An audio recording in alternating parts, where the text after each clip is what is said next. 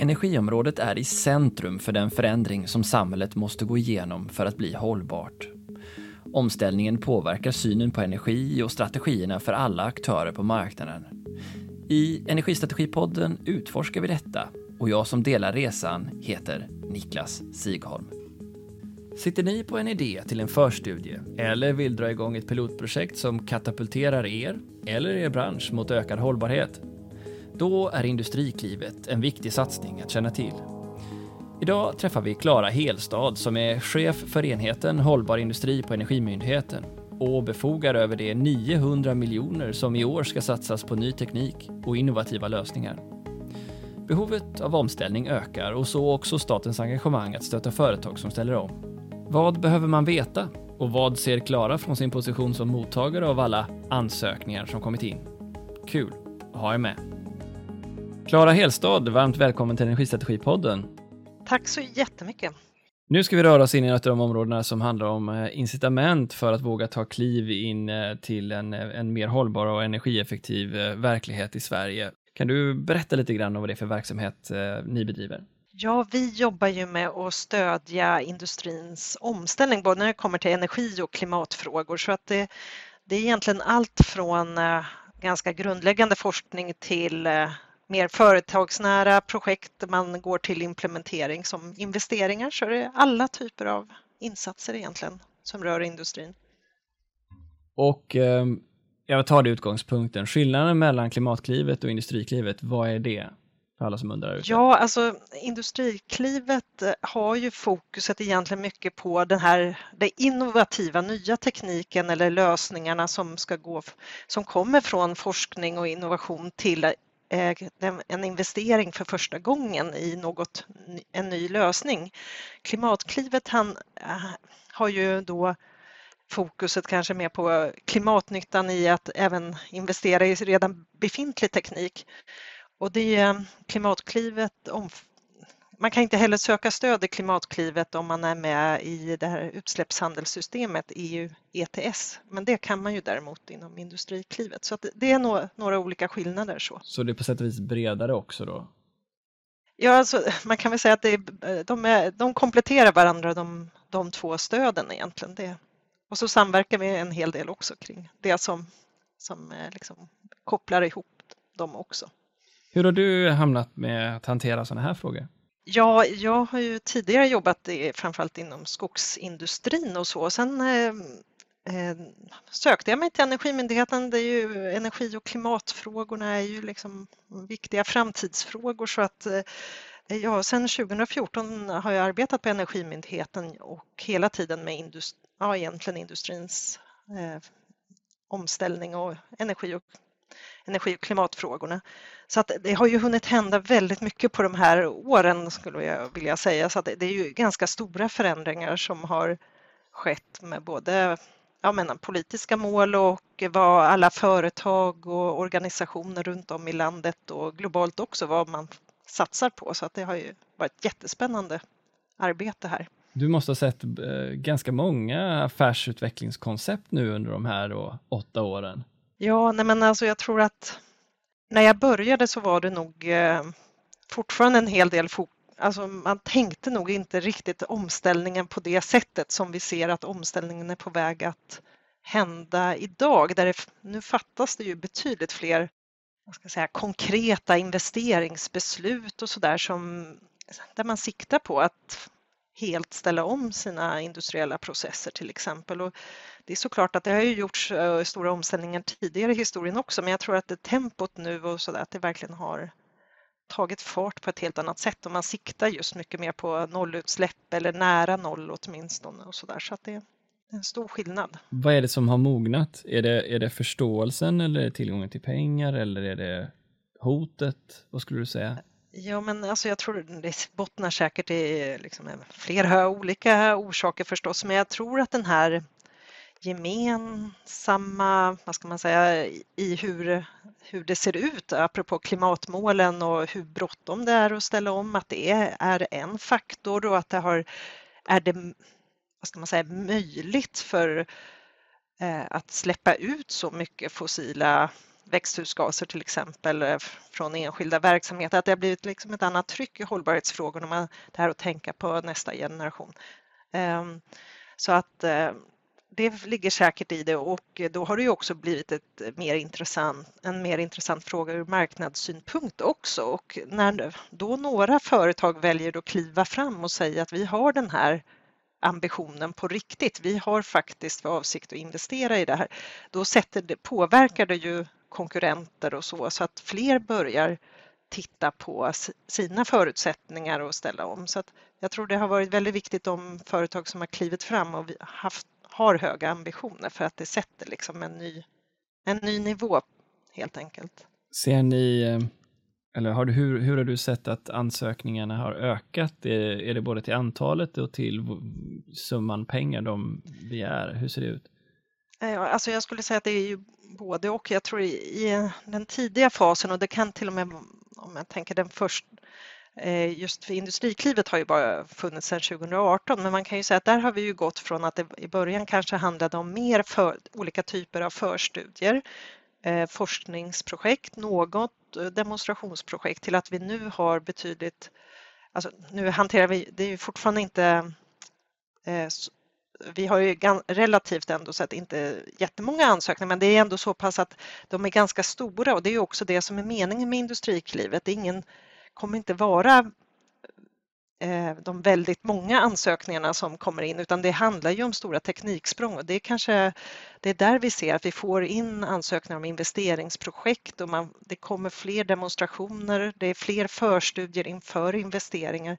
Så det är ju ett tecken för oss att, att man närmar sig faktiska beslut från olika företag och industrier att satsa på riktigt. Och man behöver underlag till till exempel inför sina styrelse beslut och så vidare. Man tittar på olika alternativa sätt att ställa om sina verksamheter. Så att, och då kan statligt stöd hjälpa till liksom i att till, vi kan ju vara med och finansiera förstudier till upp till 50 procent till exempel och då kan man få en genomgång av både tekniska, ekonomiska, eh, regelverksfrågor och så vidare så man kan liksom skanna av är det här ett realistiskt alternativ innan man satsar de väldigt stora pengarna på att faktiskt eh, gå vidare med mer tekniska studier eller ja, investeringsprojekt. Hur mycket pengar har ni att fördela per år? Ja, nu har det ju ökat från början. Så det har ju gått från 300 miljoner kronor per år ungefär till eh, nu var vi uppe i 750 miljoner kronor och i år är det ju ni, över 900 miljoner kronor eh, bara i år då. Så att det är ju stora summor som eh, politikerna och då staten eh, lägger in i det här. Och då, jag tror att det, det är ju också en signal till företagen att, att eh, politiken är beredd att satsa på omställningen. Sen kan man ju alltid säga att det, det, eh, ja, hur stort är behovet kommande år? Men det är ju det här att eh, våga ta eh, de här kliven så är det ju viktigt med den här långsiktigheten att man kan tänka att ja, men eh, ambitionerna är att den här stöd, det här stödet ska vara möjligt att söka över, över en längre tid och vi har ju den här ramen som vi har då från eh, med regleringsbrev och så där säger ju att vi, vi kan ju fatta beslut som sträcker sig ett, flera år framåt i tiden till ja, 2029 då. så att det, det, det blir ju liksom en Eh, det tror jag är en viktig signal att det finns en långsiktighet i, i den här satsningen. Ja, om jag förstår rätt så ni planerade att fortsätta ända fram till 2040? Ja, det är det som är uttryckt så. Sen, eh, sen blir det ju lite kortare just den här budgetramarna då som läggs upp. Men, men som sagt 2040 har, är det sagt då. Så att, eh, så vi jobbar ju väldigt tydligt mot just netto nollutsläppsmålet och industrins omställning. Då. Vad, mm, vad är det för typer av projekt vi ser? Eh, kan du ja, exemplifiera? Ja, men det är, det är ganska eh, olika projekt inom både, man tittar både på lösningar som som handlar om mer bioenergi, biomassa in i industriella processer. Det kan handla om elektrifiering. Det har ju varit flera kopplingar, elektrifiering, vätgas till exempel. Eh, det är ett område. Sen har vi ju kring CCS till exempel, att det, även om det inte är den förstahandslösningen så är, för några industrier så kan det ju vara det enda eh, rimliga alternativet för de sista återstående utsläppen. Ehm, ja, det, det, är väl helt... Och sen kommer ju alltid frågan om energieffektivisering vara viktig också. Den, den liksom möjliggör ju helheten. Men jag skulle säga att det är en mix av de här de här områdena helt enkelt om man tittar lite mer tekniskt. Då. Du nämnde tidigare att det är lite större projekt kanske, men vad är, vad är det för spann på ansökningar som ni godkänner? Eh, ja, när vi hittills har fattat beslut om stöd har det ju rört sig någonstans, alltså det kan vara från eh, små förstudier om jag får säga så, då, till, där det kanske handlar om 200 000 kronor eh, i stöd till att det handlar om ja, men över 400 miljoner kronor i, i stöd. Då kan det ju då vara ibland flera parter i projektet också så att det inte bara är en utan ja, det, de största hittills har ju handlat om stöd till Hybrids pilotprojekt inom fossilfritt stål. Då, då, då är man ju flera parter till exempel. Så att, eh, förra året så eh, beviljade vi ju stöd till eh, ett, eh, ett, stort projekt inom kemiindustrin som Perstorp driver tillsammans med några andra bolag. Då. Så, och där tittar man ju på ja, men en, ganska, en rejält stor omställning för, och, och då är man ju också flera parter och där har vi gett stöd på nära 300 miljoner kronor. Så att det är en väldigt stor eh, spännvidd skulle jag säga. Och, och också att det handlar både om ganska grundläggande forskning ibland och att det också handlar om pilot och investeringsprojekt. Men eh, för att jag ska förstå då, ni, ni kommer in väldigt tidigt i projektet eller i, i, kring den här produkten, eh, om vi nu låtsas att det är en produkt bara, och, och, och, är med i de första förstudierna för att utforska ämnet mer och kan gå vidare till att också ge stöd för då prototypandet, piloter, demonstrationsprojekt. Mm. Hur långt vidare sen ner till kommersialisering går ni i produktutvecklingsprocessen? Ja, alltså, vi kan ju ge då investeringsstöd eh, och då är det ju en skarp investering. Men då tittar man liksom vad är merkostnaden för investeringen om du jämför med en konventionell investering i den, liksom, vad är den bästa tekniken idag som finns på marknaden och sen vad är det här nya. Så, man, så vårt stöd, då får man liksom på något sätt jämföra man tittar liksom vad är den här extra kostnaden, då blir vårt stöd för en investering kanske max 40 procent av den merkostnaden. Då. Så att staten kan ju då kliva in och ta en del av risken men, men det är ju alltid så att det krävs privata pengar och det är det som ska vara det liksom drivande. Sen att staten minskar risken i de här svåraste när man tar större kliv då, och det är ju det Industriklivet syftar till, då, de här tekniksprången, att då blir det, ja, minska lite på risken helt enkelt. Vilka är ni då som sitter och gör de här bedömningarna? För det kräver ju, antar jag, rätt så mycket av er att kunna förstå och bedöma de här riskerna i investeringsprojekt. Ja, nej men eh, det som har varit bra är ju då ofta att företagen innan har gjort olika typer av förstudier så att, och då har vi ju den, eh, om vi har varit med och finansierat det till exempel, då har vi ju själva en inblick i vad förstudien, vad har man kommit fram till för resultat? Vi har ju fått in de rapporterna då.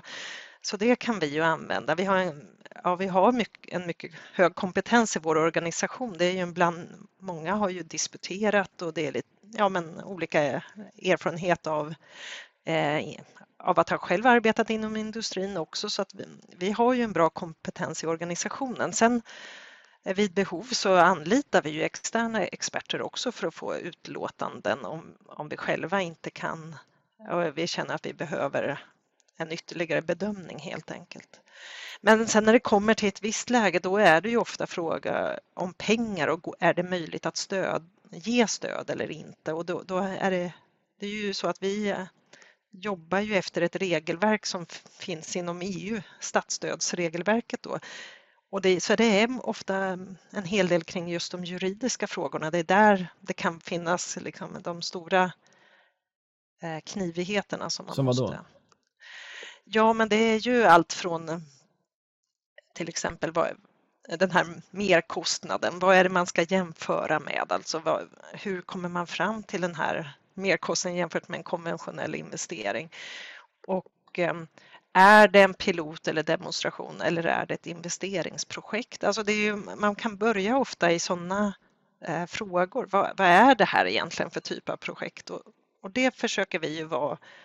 Eh, vi har jobbat mycket och velat ha eh, en kontakt med de företag eller aktörer som planerar att söka stöd just för att tidigt kunna flagga för den, att det är den typen av frågor som man behöver själva liksom ha, ett, ha ett svar på också. Så att vi, vi försöker ju stötta genom att kunna förklara lite mer om ja, men hur fungerar regelverket och vilka frågor är det som är, kan vara svåra.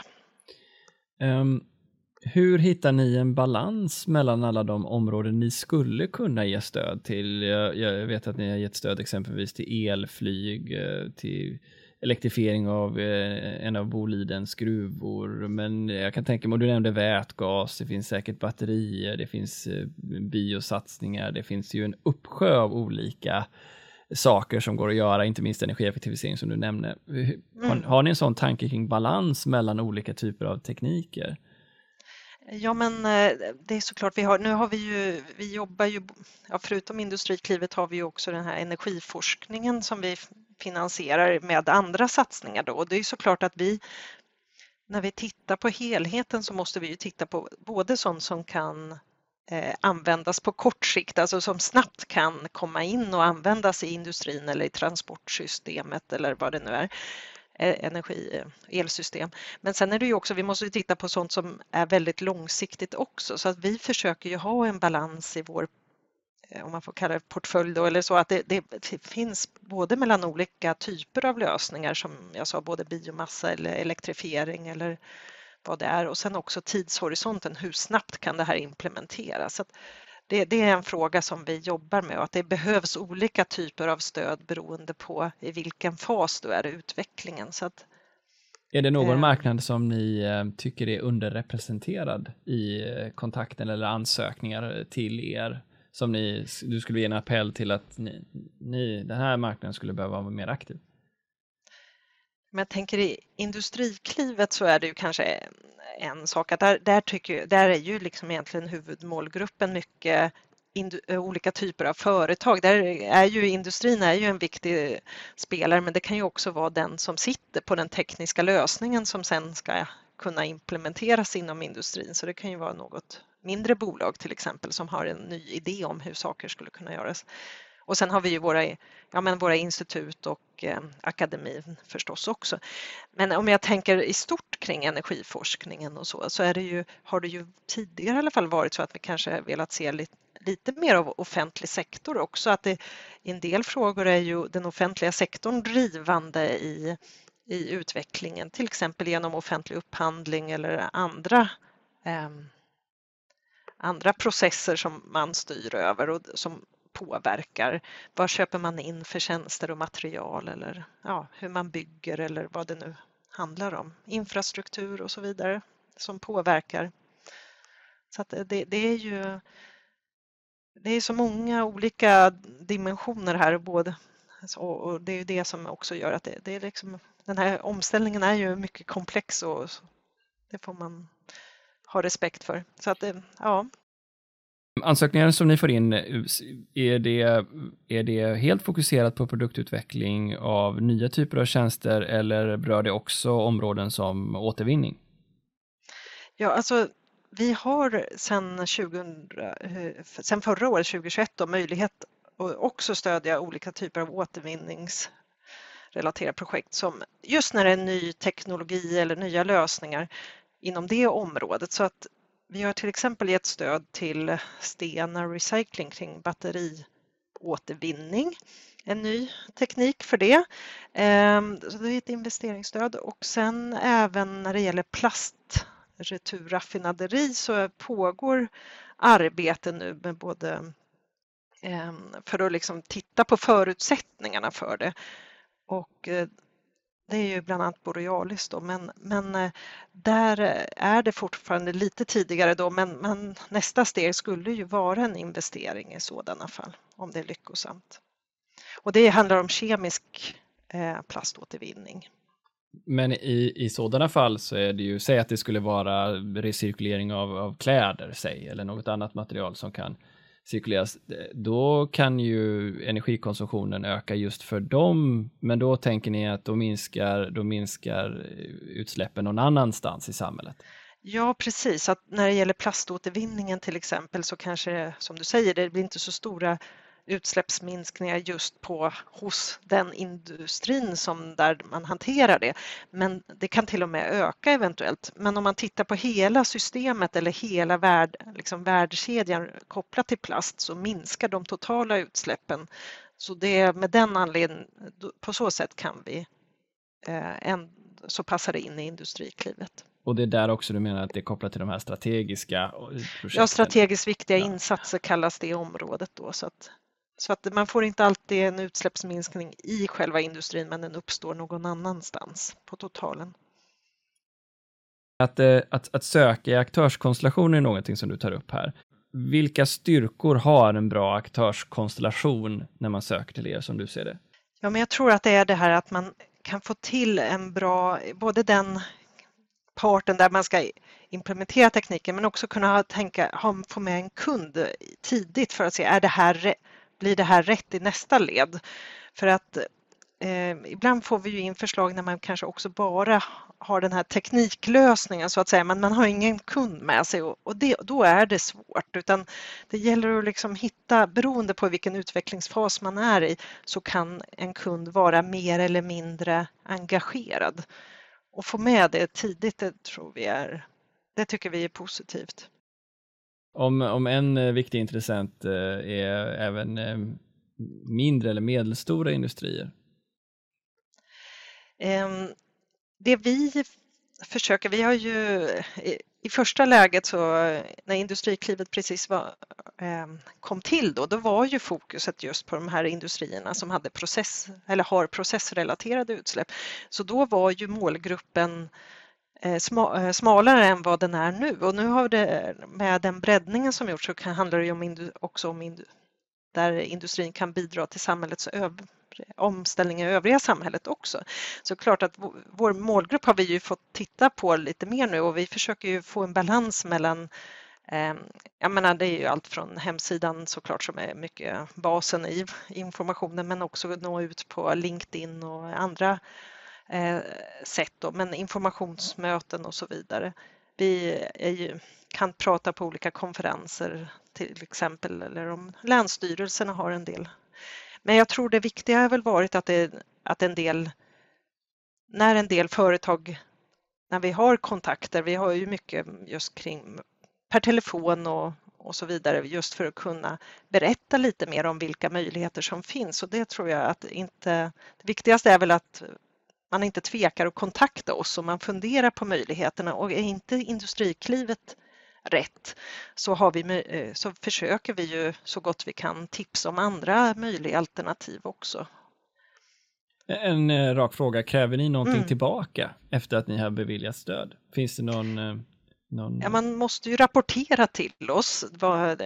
Vi har, begär ju in lägesrapporter och sen är det ju också en slutrapport man ska skicka in till oss och den, den ska ju också vara möjlig att, att sprida sen så att vi har ju en databas en projektdatabas som finns tillgänglig på vår hemsida så att där kan man ju gå in och söka bland alla projekt vi finansierar och eh, så att allmänheten kan ju ta del av de rapporterna. Sen kan det ju finnas sekretess, affärssekretess ibland men, men eh, i princip så eh, är det ju tillgängligt. Finns det några sådana här eh, projekt som ni är särskilt stolta över som ni har som eh, guldkorn där ni kan eh, visa upp vilken, vilken, vilket bidrag ni har haft till att en särskild produkt utvecklas? Nej, men jag tror det som har fått allra mest uppmärksamhet om man tittar det har ju varit satsningarna kring fossilfritt stål och framförallt hybrid då förstås. Och där var vi ju med och finansierade den första förstudien om man säger 2016, det var ju, eh, kändes ju då som en väldigt, ja men det var ju väldigt nytt och eh, tanken på att man skulle ställa om helt och hållet eh, det, det, var ju en väldigt stor sak. Sen har det ju utvecklats och det har varit väldigt intressant att se de här andra satsningarna inom fossilfritt stål som också har vuxit fram och nu har vi ju varit med och finansierat H2 Green Steel till exempel, en del arbete som de håller på att göra eh, nu då även Ovako och de tittar ju på eh, och ska investera i en elektrolysör i år. Det är ett investeringsprojekt så man känner ju att det finns ju mycket vad ska man säga, konkreta saker nu som är på gång inom stålindustrin och där tittar man ju också på biokol och, och liksom hur kan man använda biomassa så att allting handlar ju inte om vätgas och elektrifiering om man tittar på stålindustrin utan eh, där har det ju också varit ja, men som är pelletsverken i Malmberget då, som LKAB har, det är ju, där har man ju nu infört bioolja i den delen och sänkt sina utsläpp radikalt. Så det är ju också en del av Hybrid som man kanske inte alltid eh, har tänkt på så eftersom den piloten i Luleå har synts mest.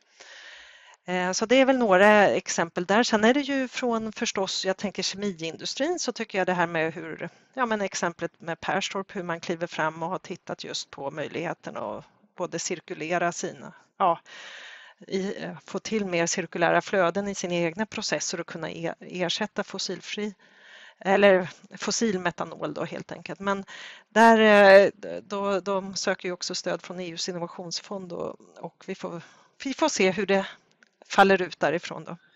Eh, jag tänkte fråga om ni också eh, har en del startups med, men H2GS är väl i och för sig nästan en, en startup bara i en väldigt ja, stor kan... skala. Men ni går alltså också in i, i, så att säga, i, i startups om man har en, en bra Absolut. Eh, det är ju mer frågan om, för vi tittar ju på en del kriterier, både liksom förstås är potentialen för att minska utsläppen, det är liksom en väldigt ett grundläggande krav, men sen tittar vi ju på hur ser den här ja, de, eh, hur ser genomförandet av projektet ut? Är det realistiskt? Har man med sig rätt eh, resurser eller aktörer i projektet och så vidare? Så startups är absolut välkomna men det är ju mer hur liksom sätter man ihop projektet så att det, man kan lyckas genomföra det och det, sådana saker tittar vi på.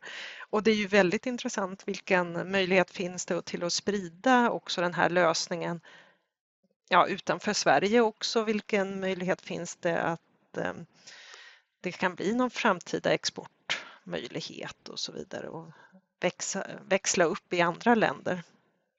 Så, sådana saker väger vi också in i vår bedömning förstås. Eftersom, eh, eftersom mitt syfte ju också är rätt så tydligt eh, att minska utsläppen av växthusgaserna mm. och vi i Sverige nästan har ett helt fossilfritt energisystem Eh, Eh, blir det någonsin en utmaning för er då att eh, alltså, eh, energieffektiviseringsåtgärder inom elen inte nödvändigtvis minskar utsläppen av växthusgaser? Ja, ja, men det har vi noterat i en del fall att det blir svårt att liksom, i Sverige då kanske räkna hem det på samma sätt. Sen kan vi ju däremot ha, eftersom Industriklivet är ju en typ av satsning, men Sen eh, kan det ju vara, om det handlar om forskning och innovation, har vi ju andra satsningar där vi har möjlighet just med energi med energieffektiviseringsfokus också. Så att då får man ju försöka lotsa vidare till de möjligheterna istället för att det är såklart att den typen av åtgärder är ju intressanta och det, det, det är bara det att kanske då inte Industriklivet är, är det stället där man ska söka stöd. Men då får man ju också säga att ja, men ett svenska bolag, ibland handlar det om åtgärder som kanske kan implementeras i, i ett annat land där man har ett, inte har samma förutsättningar som i Sverige. Så att, till exempel har vi ju ett pilot och demonstrationsprogram också med, inom energi och där har ju varit exempel när man just en svensk lösning som installeras i Polen till exempel och man, man har, då får man ju en en stor effekt också. Har ni, eh, har ni tillräckligt med pengar för den mängden ansökningar ni får in? Om man säger just i år har vi väl det, men vi har faktiskt äskat mer medel för kommande år och det är ju för att vi har eh, stor, vi känner till och har redan inne eh, ännu större ansökningar än vad vi har beviljat tidigare och, och vi ser ju att det är fler företag som tittar på de här uppskalningsprojekten så att det, det är det som vi har skickat in till regeringen, att det behövs mer pengar för kommande år.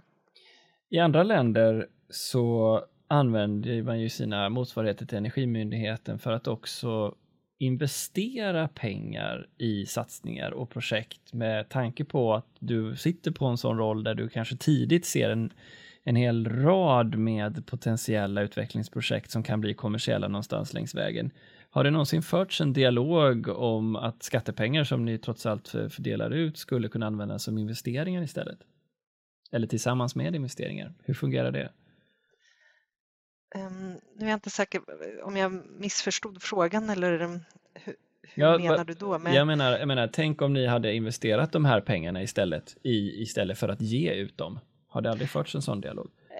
Alltså det är ju det finns ju andra typer av fonder eller sådana lösningar eller som till exempel det här med gröna kreditgarantier som Riksgälden jobbar med. Så att man kan väl tänka att liksom de här typen av stöd som Industriklivet och Klimatklivet representerar, det är ju liksom en, en typ av vad staten kan göra. Men sen finns det ju andra alternativ när man till exempel ja, men med lån, till lånelösningar eller så.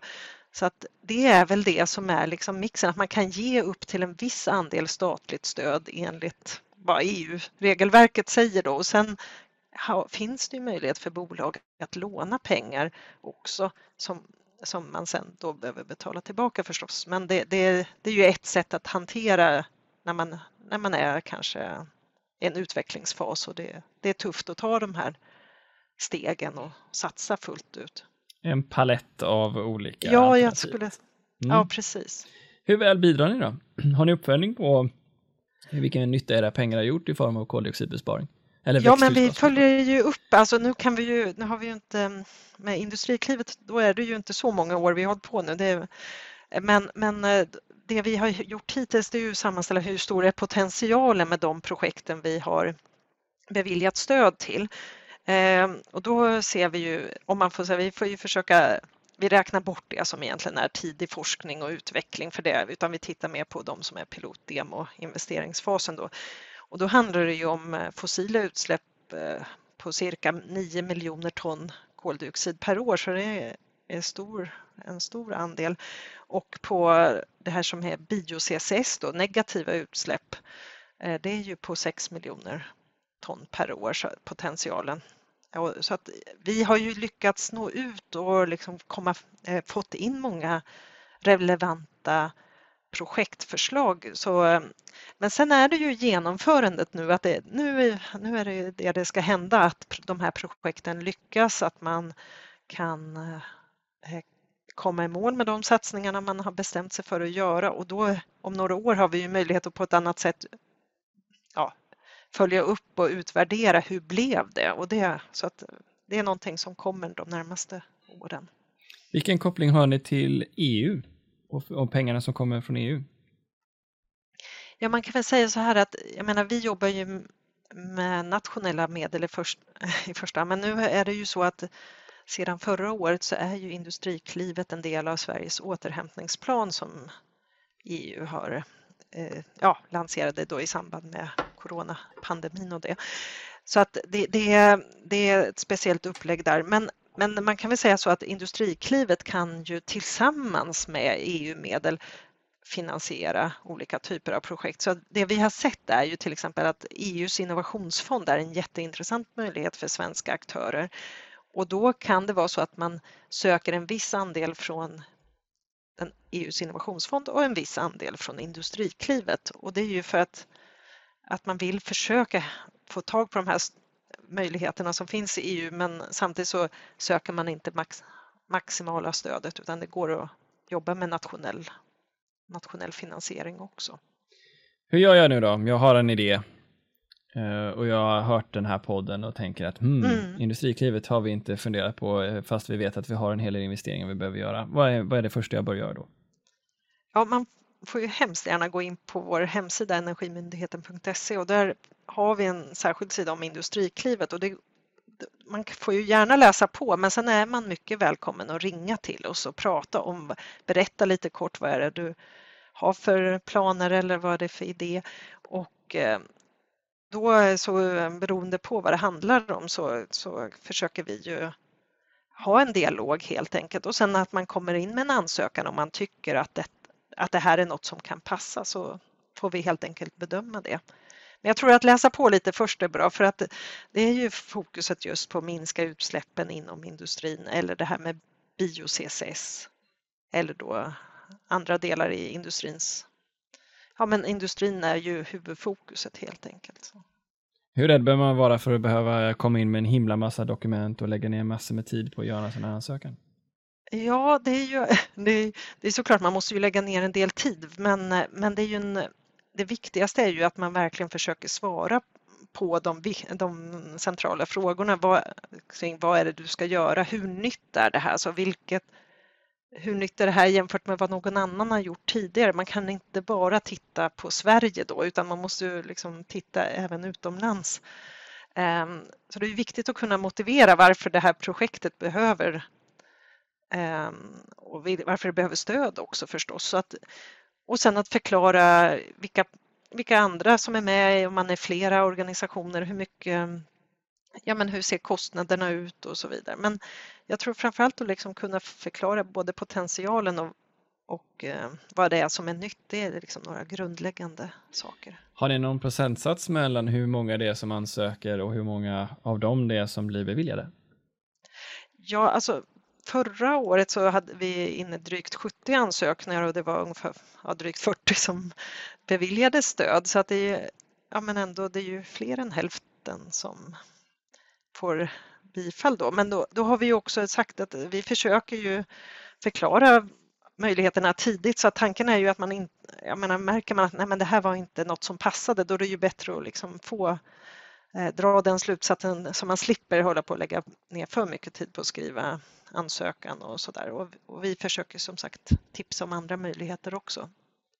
Nu när vi har den här turbulenta omvärlden med krig i Ukraina så har eh, det lett, ja, inte bara till att eh, vi fått en höjning av en massa priser på råvaror runt om utan dessutom fått eh, klar, eh, en klar ökning av eh, elpriset och mycket som har liksom utsatt industrin för eh, ett tryck att driva på förändring. Um, tror du att det här kommer leda till ett behov av eh, så här, snabbare omställning och därmed också fler ansökningar till er? Jag vet att det är spekulativt, men ändå. Ja, det, nej men alltså, det är ju såklart det är ju väldigt speciellt läge nu och, och liksom, vad, vilka alternativ finns. Och jag tror att det är viktigt det man kan tro är att det, var, det har ju ökat intresset redan innan och jag tror att den här utvecklingen som har blivit nu med kriget i Ukraina och så vidare, att det, det kanske bara ytterligare förstärker den, den trenden att hur, hur kan man ställa om? Samtidigt så, så är det ju förstås svårt att veta exakt vilka konsekvenser det får på, an, ja, men på andra sätt också och eh, ja, men, förmågan att ställa om i det här läget. Men eh, det vi också ser eh, förutom den här, eh, det hemska med kriget och, och det så är, så är det ju också så om man tittar på EU så är det ju mycket policyutveckling som pågår och olika direktiv som är under förhandling och det får en stor påverkan på vad blir de kommande möjligheterna om man tittar på fossilfri el eller eh, hur kommer de här reglerna att utformas nu som kring förnybart och så vidare. Så det är väldigt viktiga processer som pågår just nu och, och de behöver man ju vara, ha ögonen på helt enkelt. Och, så det kan vara avgörande för vad som Givet nu att vi tycker att det är... ut framåt. Ja, förlåt. Eh, givet nu att vi tänker att det är sant då, att vi, omställningen bara pushas på av, av, av omvärldsfaktorerna och behöver gå ännu snabbare. Vad tycker du att vi behöver bli bättre på från den, eh, från den position där du står i Sverige? Eh, men alltså, jag tror att eh, det här med hur hänger den tekniska utvecklingen ihop med regelverk, policyutveckling, marknadsfrågor. Alltså det är ju de pusselbitarna, att det här pusslet behöver liksom passas ihop och man behöver förstå hur de här sakerna hänger ihop. Det tror jag är en stor utmaning för att det är lätt hänt att man liksom kommer in med sitt, sitt perspektiv på något och försöka få ett eh, en så bra helhetssyn som möjligt. Det är det som jag tror är en av utmaningarna nu när det händer så väldigt mycket snabbt också. Det dessutom har tillstött andra kriser dessutom som gör det mer oförutsägbart. Och, så att det, det tror jag ligger en stor utmaning i det att, att få alla de här olika pusselbitarna att stämma överens så att det behöver gå ganska fort också i den här omställningen för att nå energi och klimatmålen också. Så att, Det men det är såklart som... att Ja. Ja. Nej, men sen seglar det ju upp och det har ju gjort det under en längre tid alla säkerhetspolitiska frågor energi och energiförsörjning och trygg energiförsörjning och så vidare också. Så att det, det är såklart att det blir ju olika perspektiv som man behöver ha också utifrån ett nationellt Mm. perspektiv på det här. Men det låter som att oavsett vilket, även om man eh, skulle ha en, en ansökan till, eh, till Industriklivet och inte komma igenom så låter det som att det är en lärandeprocess bara att kontakta er och, och förstå förutsättningarna för vad som behövs. Ja, och vi gör ju olika typer av analyser också. Man kan, eh, vill man förstå mer vad vi gör också så gör vi en årlig nulägesanalys och där beskriver vi också vad är det senaste. Vi försöker ju hela tiden, ja men just vad är de nyheterna från olika utvecklingsprojekt som drivs och så vidare. Så att det är också en möjlighet att läsa på om man är intresserad. Kan du ge oss en liten heads-up? Vad, vad, har ni, vad, vad är de senaste nyheterna som du ser? Oh, det är ju, det är ju, om man skulle titta på, till exempel på det här med bio CCS så tror jag där, där kommer det ju hända, där jobbas det ju både med alla de här förstudierna runt om i landet faktiskt. Det är väldigt roligt att se på en karta faktiskt att det är både längs Norrlandskusten, Sydsverige och så, västkusten och så vidare, att det, det pågår mycket arbete just nu runt om i landet. Samtidigt så har ju Energimyndigheten också ett uppdrag kring och utforma ja, men det här auktionssystem och så vidare. Så att vissa, det, det händer många olika saker inom det området. Sen kan man ju titta mer på det här med förstås elektrifiering, vätgas. Vad, vad blir de här investeringarna just nu? Ehm, och kombinationerna då med det bio, bioenergin och mm, nej, det finns eh, många olika intressanta frågor just nu som... Ser ni också det inom powertex, alltså eh, andra energibärare än, än, än, el och vätgas? Mm, nej, men det är ju något vi tittar på, eh, powertex också, hur, och det är ju också mycket så policyfrågor, hur ser möjligheterna ut framåt om man tittar på det alternativet. Så. Mm. Var, ehm, eh, en av de här sakerna som eh, ju Klimatpolitiska rådet eh, kommenterade i sin rapport för 2022 var en allt bättre samverkan mellan myndigheterna och bättre styrning av myndigheterna. Hur väl upplever du att det ekosystemet av olika, eller den, ska säga, den vad var det vi sa förut, den, den plattform eller den, den mångfald av, av tjänster som finns på myndigheten att söka, hur väl upplever du att det är synkat? Ja, men det är någonting som vi har jobbat medvetet kring. Att, jag menar, det är en sak vad vi på Energimyndigheten kan erbjuda i, eh, liksom, med olika typer av stöd och policyarbete, statistik och så vidare. Men sen har vi ju en tät samverkan med till exempel Naturvårdsverket i olika frågor som rör allt från analyser, policyfrågor också och stöd som Klimatklivet och Industriklivet till exempel. Och sen har vi ju de andra statliga forskningsfinansiärerna också och andra myndigheter så att det, är ju mycket, många typer av uppdrag där vi myndigheter samverkar. Sen är, det är, men det är såklart att det, det, går alltid att utveckla ännu mer och det, det är ju någonting som vi ehm, just för att eh, kunna liksom möjliggöra omställning så är den typen av synkning viktigt. Så att jag vet eh, ett eh, konkret exempel var ju med, med eh, satsningen hos Dana i, i Dalsland faktiskt, där Tillväxtverket går in och, och stödjer till viss del och vi med Industriklivet stödjer också utvecklingen kring det. Det handlar om elektriska drivlinor då. Så att vi kan ju ibland göra så att vi, vi har möjlighet att fatta beslut och stödja eh, tillsammans till exempel. Och, då, och det är ju andra typer av satsningar där det inte alltid handlar om pengar men det handlar ju kanske mer om policyfrågor och så vidare. Så att det är viktigt också. Du som sitter och då ser eller hör många frågor och tar in intressenter och sen ser ansökningar från hela landets eh, mångfald av industrier. Har vi har vi ett eh, tillräckligt tryck, anser du, på frågan om att ställa om till ett eh, fossilfritt eller klimatdioxidneutralt samhälle?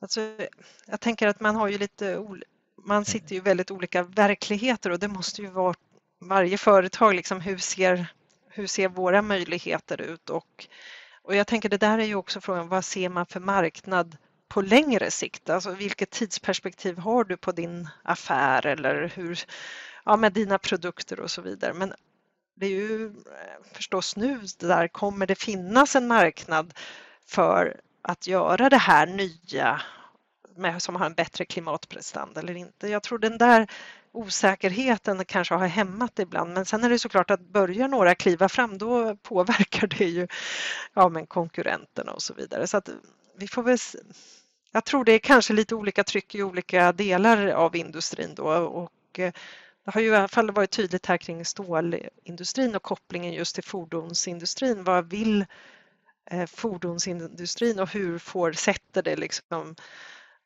värdekedjan så att säga bakom då, hur påverkar det?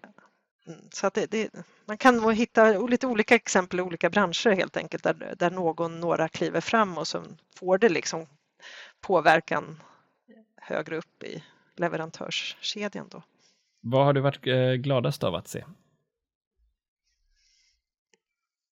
Ja, men det, har, det, det, är ju alltid en lite svår fråga, men jag tror det har varit några som där när man känner att det här är ändå den första Ja, men nu kom det här investeringsbeslutet till exempel. Det är, det är inte bara en förstudie utan nu, nu är det faktiskt en, mm, skarpt läge. Det, sånt tycker jag känns, då känns det som vi verkligen har eh, tagit ett stort steg och sen eh, måste jag ju säga att den här första förstudien som, när, med Hybrid då, att det, det, tyckte jag själv var, liksom kändes som att, att inte bara prata om att bli lite bättre utan att verkligen ta ett radikalt bestämma sig för något radikalt, det, det såg jag som en, det var en viktig signal tror jag. Du Klara, tack så hemskt mycket mm. för att mm. du var med i Energistrategipodden.